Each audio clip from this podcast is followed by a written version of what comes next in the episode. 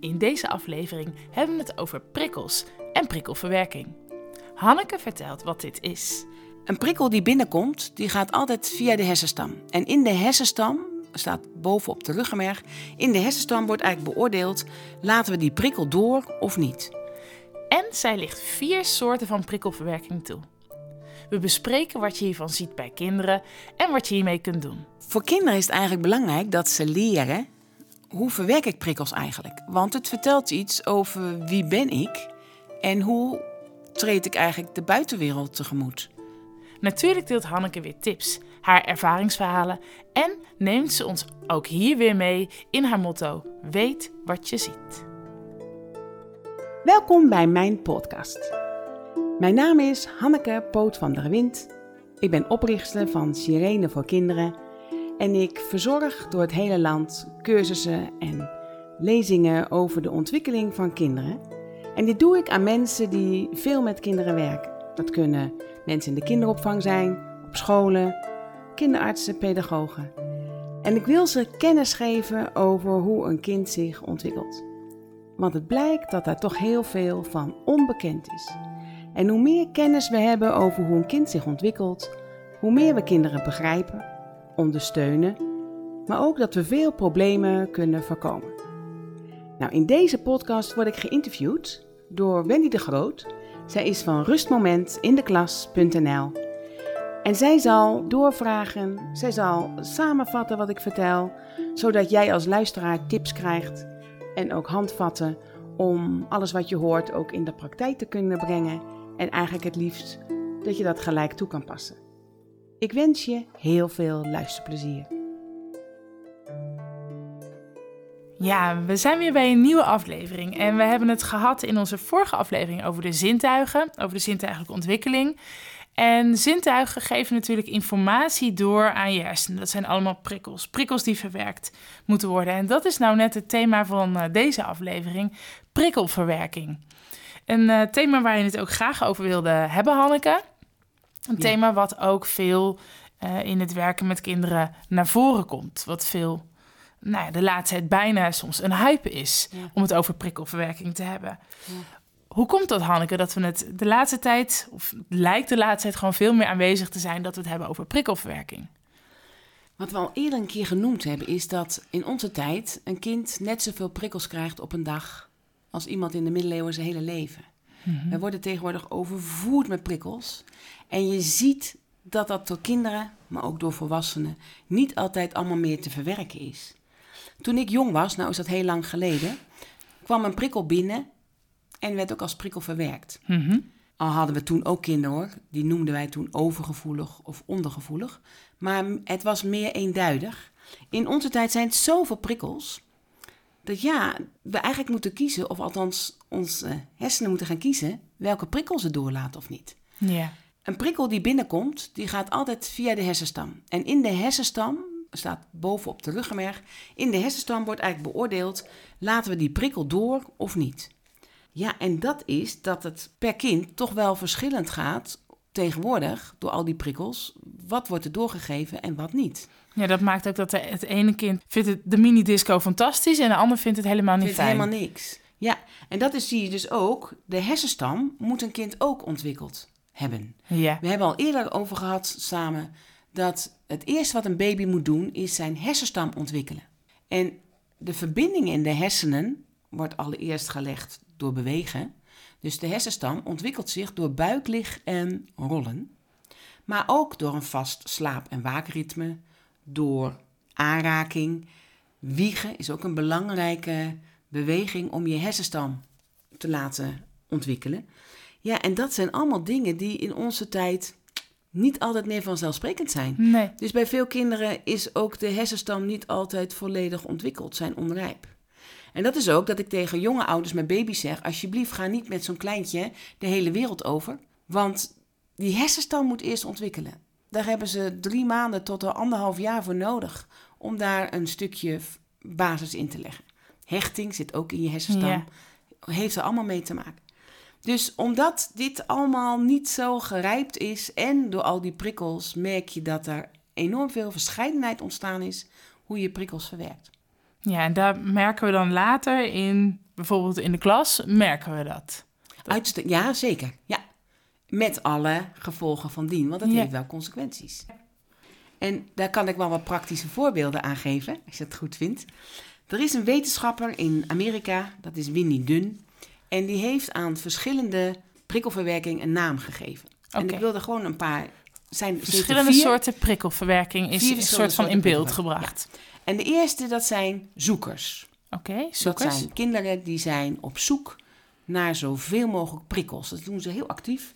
Dus die willen zoveel mogelijk kleuren, harde geluiden, pittig eten.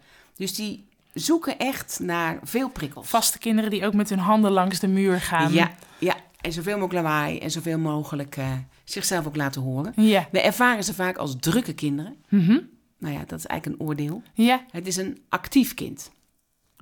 En deze ja, dat is kinderen, een mooi woord. Een actief kind. En deze kinderen, ja, wat mogen we die leren? Die mogen we leren om, om te stoppen met waar ze mee bezig zijn. Dat zijn ook kinderen waarvan ouders zeggen, ja, mijn kind die gaat altijd maar door. Die hebt altijd energie voor tien. Dat is niet helemaal waar, want zoals we al eerder hebben besproken, wat een kind ervaart, moet hij wel opslaan. Mhm. Daar heeft hij rust, Rust voor nodig. voor nodig. Dus dit zijn kinderen die mag je leren stoppen. Ja, en dat stoppen, dat doen we onder andere met spelletjes zoals de Annemarie Koekoek. Nee, hele goede vraag.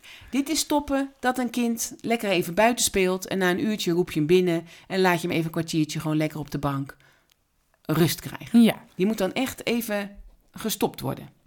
Een andere vorm van prikkelverwerking, dat noemt Winnie Dunn vermijders. Dat zijn kinderen die zijn actief op zoek naar zo min mogelijk prikkels. Dat zijn kinderen die horen geluiden en die doen de handen op de oren. Ja, herkenbaar. Of die spugen eten uit.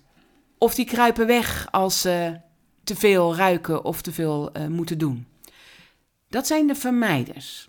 En je ziet eigenlijk al aan hun gedrag wat ze nodig hebben. Dat is dat ze zich terug mogen trekken. Mhm. Ik zeg ook vaak tegen leerkrachten op basisscholen: wil je eens van je eigen tafel een tentje maken? Mm. En geef kinderen dan de kans dat als ze zich behoefte voelen om even geen prikkels te krijgen, dat ze in dat tentje mogen zitten. Ja. Dit zijn ook kinderen die het liefst ook buiten, en dat zie ik op de kinderopvang, maar ook op scholen, alleen spelen. Ja. Dat is niet zielig. Deze kinderen hebben al zoveel prikkels gehad dat ze gewoon even alleen willen zijn. Ja. Kijk, een kind die buiten niet speelt, die moet je in de gaten houden. Maar kinderen die in hun eentje buiten spelen, dat is gewoon heerlijk, omdat ze even, even die prikkels kunnen vermijden en zich mogen terugtrekken. En ondertussen dus de rest verwerken. Precies. eigenlijk. En ondertussen zijn ze de prikkels aan het verwerken. Er zijn ook kinderen die in hoekjes gaan staan, waarvan wij zeggen, oh die stiekem, ach, dat is niet het eerste wat je moet bedenken. Je ziet het ook bij jonge kinderen, zo'n glijbaan met zo'n huisje erboven. Mhm. Veel kinderen blijven in dat huisje zitten. Mm. Even geen prikkels. Ook even niet gezien zijn, maar ook geen prikkels. Dan heb je ook kinderen, dat zijn die intensief levende kinderen. Dat noemen we, dat noemt Winnie Dunn sensors. Oké. Dat zijn kinderen die, die kunnen soms zitten en die zitten intensief te kijken, waardoor ze heel veel prikkels binnenkrijgen. Ja. Die zitten eigenlijk met hun hele lijf, zijn ze bijna aan het kijken. Ja, die zijn echt, dat je ziet, heel intensief zijn ze betrokken. Ja. Dat zijn ook kinderen die heel veel slaap nodig hebben, maar die hebben vooral heel veel rust nodig. Dat zijn die kinderen die bijvoorbeeld eh, op school, maar ook op de kinderopvang, de ochtend gaat prima, kunnen ze Mhm. goed volgen, maar die worden steeds moeier. En als ze niet een goed tussen de middag hebben gehad, geen rust hebben gehad, redden ze eigenlijk dat laatste stuk van de dag niet. Ja.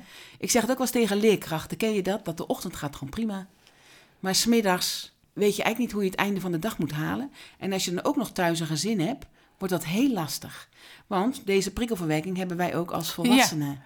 Dus wat heb je nodig? Dat zijn dus rustmomenten. Dat is dus dat je niet amper zak koffie drinkt, maar er even voor gaat zitten. Ja, en dat je niet in de, misschien niet in de teamkamer je pauzemoment Precies, houdt. maar dat je even je terugtrekt. En dat je tussen de middag ook gaat kijken. Ik blijf in mijn lokaal. Ik doe mijn deur dicht. Desnoods ga je er even bij liggen. Maar dat je even een, een break krijgt om te verwerken wat Ja. je hebt meegekregen. Ja. Bij deze sensors, dat zijn dus kinderen die intensieve prikkel verwerkt via de zintuigen, die noemen wij hooggevoelig. Wij hebben in onze taal in Nederlands maar één woord voor hooggevoelig.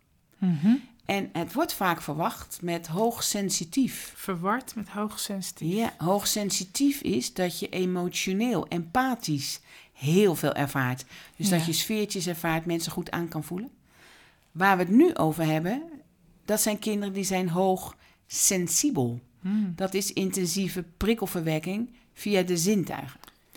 En dit wordt vaak door elkaar gehaald. Ja. Soms kan het gecombineerd zijn, maar dit zijn kinderen die dus veel prikkels ervaren of intensief verwerken via de tast, via nou, wat we vorige keer horen, zien. horen zien, ruiken, proeven. Ja. En sensitief is dat je emotioneel, daar zijn Ja. ook bepaalde zintuigen Ja. voor, maar dat je dat emotioneel ervaart. En dat is een verschil wezenlijk tussen. verschil. Ja. Ja. De vierde vorm die we tegenkomen en die Winnie Dun toeschouwers noemt. Dat zijn kinderen, ja, die ervaren dingen. Ze vinden alles wel best. Ze kunnen alles makkelijk observeren. Het zijn vaak ook ideale buren. Dat zijn mensen, daar kun je een feestjes houden, die vindt het allemaal best. Ja. Vindt het allemaal wel goed. Ehm, dat zijn wel de kinderen die snel onderprikkeld raken. Het zijn eigenlijk de enige kinderen die, die uitdaging nodig hebben. Toeschouwers, kinderen die dus zich snel onderprikkeld raken, hebben heel veel prikkels nodig door uitdaging. En het opvallende is dat wij in onze tijd kinderen eindeloos maar willen uitdagen. Nou, Ja, we hebben het net over gehad. Een zoeker hoef je niet uit te dagen. Die Die moet je zelf stoppen. Ja. Een vermijden hoef je niet uit te dagen, want die vermijdt de prikkels. Een sensor, die wil het liefst rust, of die heeft rust nodig om het te verwerken. Het zijn de toeschouwers. Die, echt uitdaging de nodig uitdaging nodig hebben. Daarom is het handig als je kinderen, deze kinderen, die toeschouwers, koppelt met kinderen die veel prikkels zoeken, dus die zoekers. Dat zijn ideale combinaties. Mhm. Want de toeschouwer, die wordt geactiveerd, uitgedaagd door die zoeker. En die zoeker krijgt iets rem, doordat Ja. ze niet altijd prikkels krijgt van de toeschouwer. Dus als ze groepjes maken in de klas, dan Heel kunnen graag. we dit in gedachten En wij nemen, zetten vaak zo'n zoeker, zo'n intensief zoekende prikkelzoeker, Ja. zetten we naast zo'n vermijder. Een kind die rustig is en Ja. liefst zo min mogelijk. Ja, dat is vreselijk. Ja. Want die zoeker allebei. krijgt helemaal voor allebei, die krijgt geen prikkels van die vermijder. Maar die vermijder wordt compleet overprikkeld door die zoeker. Dus dat gaat heel erg wringen. En dan zeg ik altijd, de zoekers en de toeschouwers zijn heel goed om bij elkaar te zetten. Die vermijders en de sensors ook. Ja. Maar niet, geen andere Nee. combinaties. Nee. Nee. Nee. interessant hoe dan de, de kennis over prikkelverwerking eigenlijk zelfs kan bijdragen in eh, ja, hoe laat je kinderen samenwerken. Precies, ja Of zeker. weet wat je doet. Ja, of met welke collega kan jij ook Ja. makkelijk samenwerken? Dat Ja. is ook dus heel verschillend. Ja. eh, En als we dus nu ook wat meer kennis hebben over je, je prikkelverwerking van kinderen of van jezelf, ehm, ja, wat kun je daar dan mee? voor kinderen is het eigenlijk belangrijk dat ze leren hoe verwerk ik prikkels eigenlijk. Want het vertelt iets over wie ben ik en hoe treed ik eigenlijk de buitenwereld tegemoet. Ja, dus eigenlijk dat kinderen zelf hun eigen prikkelverwerking leren Ja, kennen. dat ze dat leren en ook uiteindelijk daar verantwoordelijkheid voor mogen Mm. nemen. Want het bepaalt natuurlijk welke keuzes je maakt. Ja, Als jij van harde muziek vervelend wordt, ja, dan zal je inderdaad niet naar zo'n discofeestje gaan. Maar dat betekent dus niet dat je daarom geen leuk kind bent, omdat je niet naar zo'n feestje gaat. Mm. Dus die verantwoordelijkheid na dat je jezelf leert kennen, maakt dat je bepaalde keuzes maakt. Wat daar het gevolg van is, dat is het oordeel dat we naar elkaar hebben. Een kind die het liefst zo min mogelijk prikkels krijgt, dat zijn ook bijvoorbeeld kinderen die het liefst gewoon aardappels, groenten en vlees eten. ja. Nou, die doe je geen plezier om naar een Chinees of naar een Italiaan te gaan, want dat is heel ander eten. Dan kunnen wij zeggen, oh, dat kind is zo moeilijk, want die eet, eh, die eet zo weinig. Ja, of je erkent, dit is een vermijder. Die wil minder prikkels in zijn mond, dus die, heeft ander, die gaat maar, gaan naar een pannenkoekenhuis. ja. Dus de keuzes worden anders. En ik merk in ons land sowieso, sinds die prikkelverwerking toch een ding is, dat we steeds meer oordelen over elkaar hebben, ook als volwassenen. Hè, als jij een buurman hebt die eh, heel snel moe wordt omdat hij te veel prikkels krijgt, ja, die komt echt wel op jouw verjaardag, maar die gaat om tien uur het liefst naar huis, want hij heeft genoeg gehad. Dan kunnen wij zeggen, nou, doe niet zo ongezellig, want eh, het wordt net leuk. Dan denk ik dat het is een oordeel. Ik had dus van het voorjaar, een, op, was ik op een school en had een leerkracht die had een hyacint meegenomen. En die kreeg ruzie met haar duo, omdat zij zegt, hoe kan je nou een hyacint meenemen, want die stinkt. Hm. Maar dat heeft met prikkelverwerking te Ja. maken. En je krijgt natuurlijk een heel ander gesprek. De, als je zegt van, joh, ik heb daar last van, daar kan ik niet zo goed tegen. Dan als je dan het oordeel velt over je collega van, ja, jij ook altijd met al die gekke dingen. En eh, het gaat... Dat ja, dus oordeel. eigenlijk als je zelf begrijpt hoe jouw prikkelverwerking werkt, dan kun je dat ook communiceren ook naar de ander toe. Precies. Dus ik En ook zoals- begrip voor dit- hebben dat daar verschil tussen ja, is. en dit ben ik. Ik zie het ook bij volwassenen. Een volwassene die dus min, zo min mogelijk prikkels wil, die vindt het heerlijk om elk jaar naar Oudorp op vakantie te gaan. Ja, Is prima. Maar wij hebben daar een oordeel over. Want mensen die de hele wereld overtrekken en gaan diepzee duiken, waar dan ook, die zeggen: joh, doe niet zo ongezellig. Ga ook eens naar Thailand of naar Nieuw-Zeeland. En denk: waarom doen we dit? ja. En Alsof dat beter is. Het is allebei goed, maar we zijn andere mensen, dus we hebben andere voorkeuren op basis van de prikkelverwerking. Ja, en blijft dan je prikkelverwerking hetzelfde of verandert dat ook nog gedurende je leven? Ja, het kan bij sommige prikkel, prikkels kan het wel wat veranderen. Ja, Ehm, dat zie je bij ogen. Ogen kunnen achteruit gaan, de, oor, de oren Ja. natuurlijk ook. Maar het principe met eten merk ik vaak dat het wel blijft. Kijk, een sensor, dus iemand die heel intensieve prikkel verwerkt, dat zijn ook kinderen, maar ook volwassenen die het verschil proeven tussen de appelmoes van de Aldi en de appelkompot van de Aldi. oh ja. De appelmoes eten ze graag, maar de appelkompot gaan ze van over hun nek. Want het heeft te maken met de hoeveelheid prikkels die ze krijgen. Ja, Dat zijn ook kinderen die eerst Ah. de kaas van de brood eten, dan de boter, dan de binnenkant, dan pas de buitenkant. En een ander zegt, doe niet zo vies, doe gewoon die boterham in je Ja. mond. Maar dat is te veel prikkels. ja, of die een slagroomtaart niet willen eten. Want in een slagroomtaart zit cake, bakkersroom, jam, slagroom, spikkeltjes, nootjes. Het is veel te veel prikkels. Geef die dan een stroopwafel, is veel meer weet je, ja, Dus er zit zoveel oordeel wat we over elkaar hebben, waarvan ik denk, joh, als je weet dat een ander gewoon zijn prikkels anders verwerkt dan jij, het is allebei goed. ja. En wat kunnen we dan met die informatie over die prikkelverwerking in de klas? Als jij weet, of wat meer in het werken met kinderen, als jij weet dat een kind bijvoorbeeld echt een prikkelzoeker is, wat, wat kun je daar dan mee in het onderwijs? Nou, prikkels, prikkelzoekers, en dat zijn ook die toeschouwers, kun je midden in de klas plaatsen. Als je groepswerk doet, nou, die kunnen al die prikkels best wel aan. De andere kant is ook wel, die zoeken, die steeds op zoek zijn naar prikkels, die kan je dus een stopspelletje in die zin geven. Dat je Mhm. zegt van, joh, eh, jij mag even hier op het stoeltje gaan zitten, even stoppen. En dat ook met een kind dus ook verwoorden waarom je dat doet. Zodat het kind in staat is om ook weer zijn prikkels te verwerken. Maar niet af te doen met, oh, dat kind is zo druk. Ja, Ik zeg ook wel eens als leerkracht, als jij zelf graag veel prikkels zoekt en je hebt een kind in de klas die graag veel prikkels zoekt, vind je dat prima.